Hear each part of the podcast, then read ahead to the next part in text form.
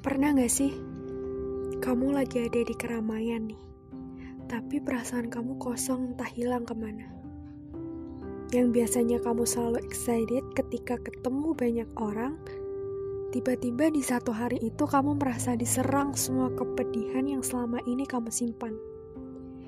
Dan biasanya timingnya agak kurang tepat.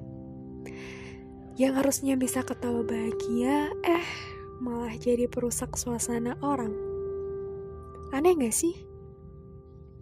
Enggak. Menurutku enggak aneh kok. Wajar aja perasaan berubah-ubah. Mungkin wajah emang bisa diatur maunya kelihatan seneng atau sedih. Tapi perasaan tidak. Kalau emang maunya lagi sedih, ya mau dibikin sebahagia apa juga tetap sedih. Masih bersisa. Biar cuma satu titik kecil. Pasti pasti kepedihannya masih tertinggal. Hidup juga nggak harus seneng melulu kan? Mari bersikap adil kepada perasaan kita. Kalau memang harus sedih, ya jangan bahagia. Kalau perlu menangis saja sekalian.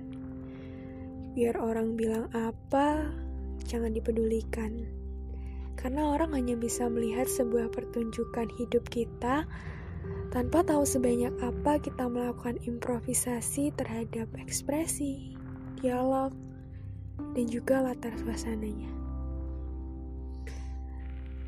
Terima kasih sudah mendengarkan. Sampai bertemu kembali.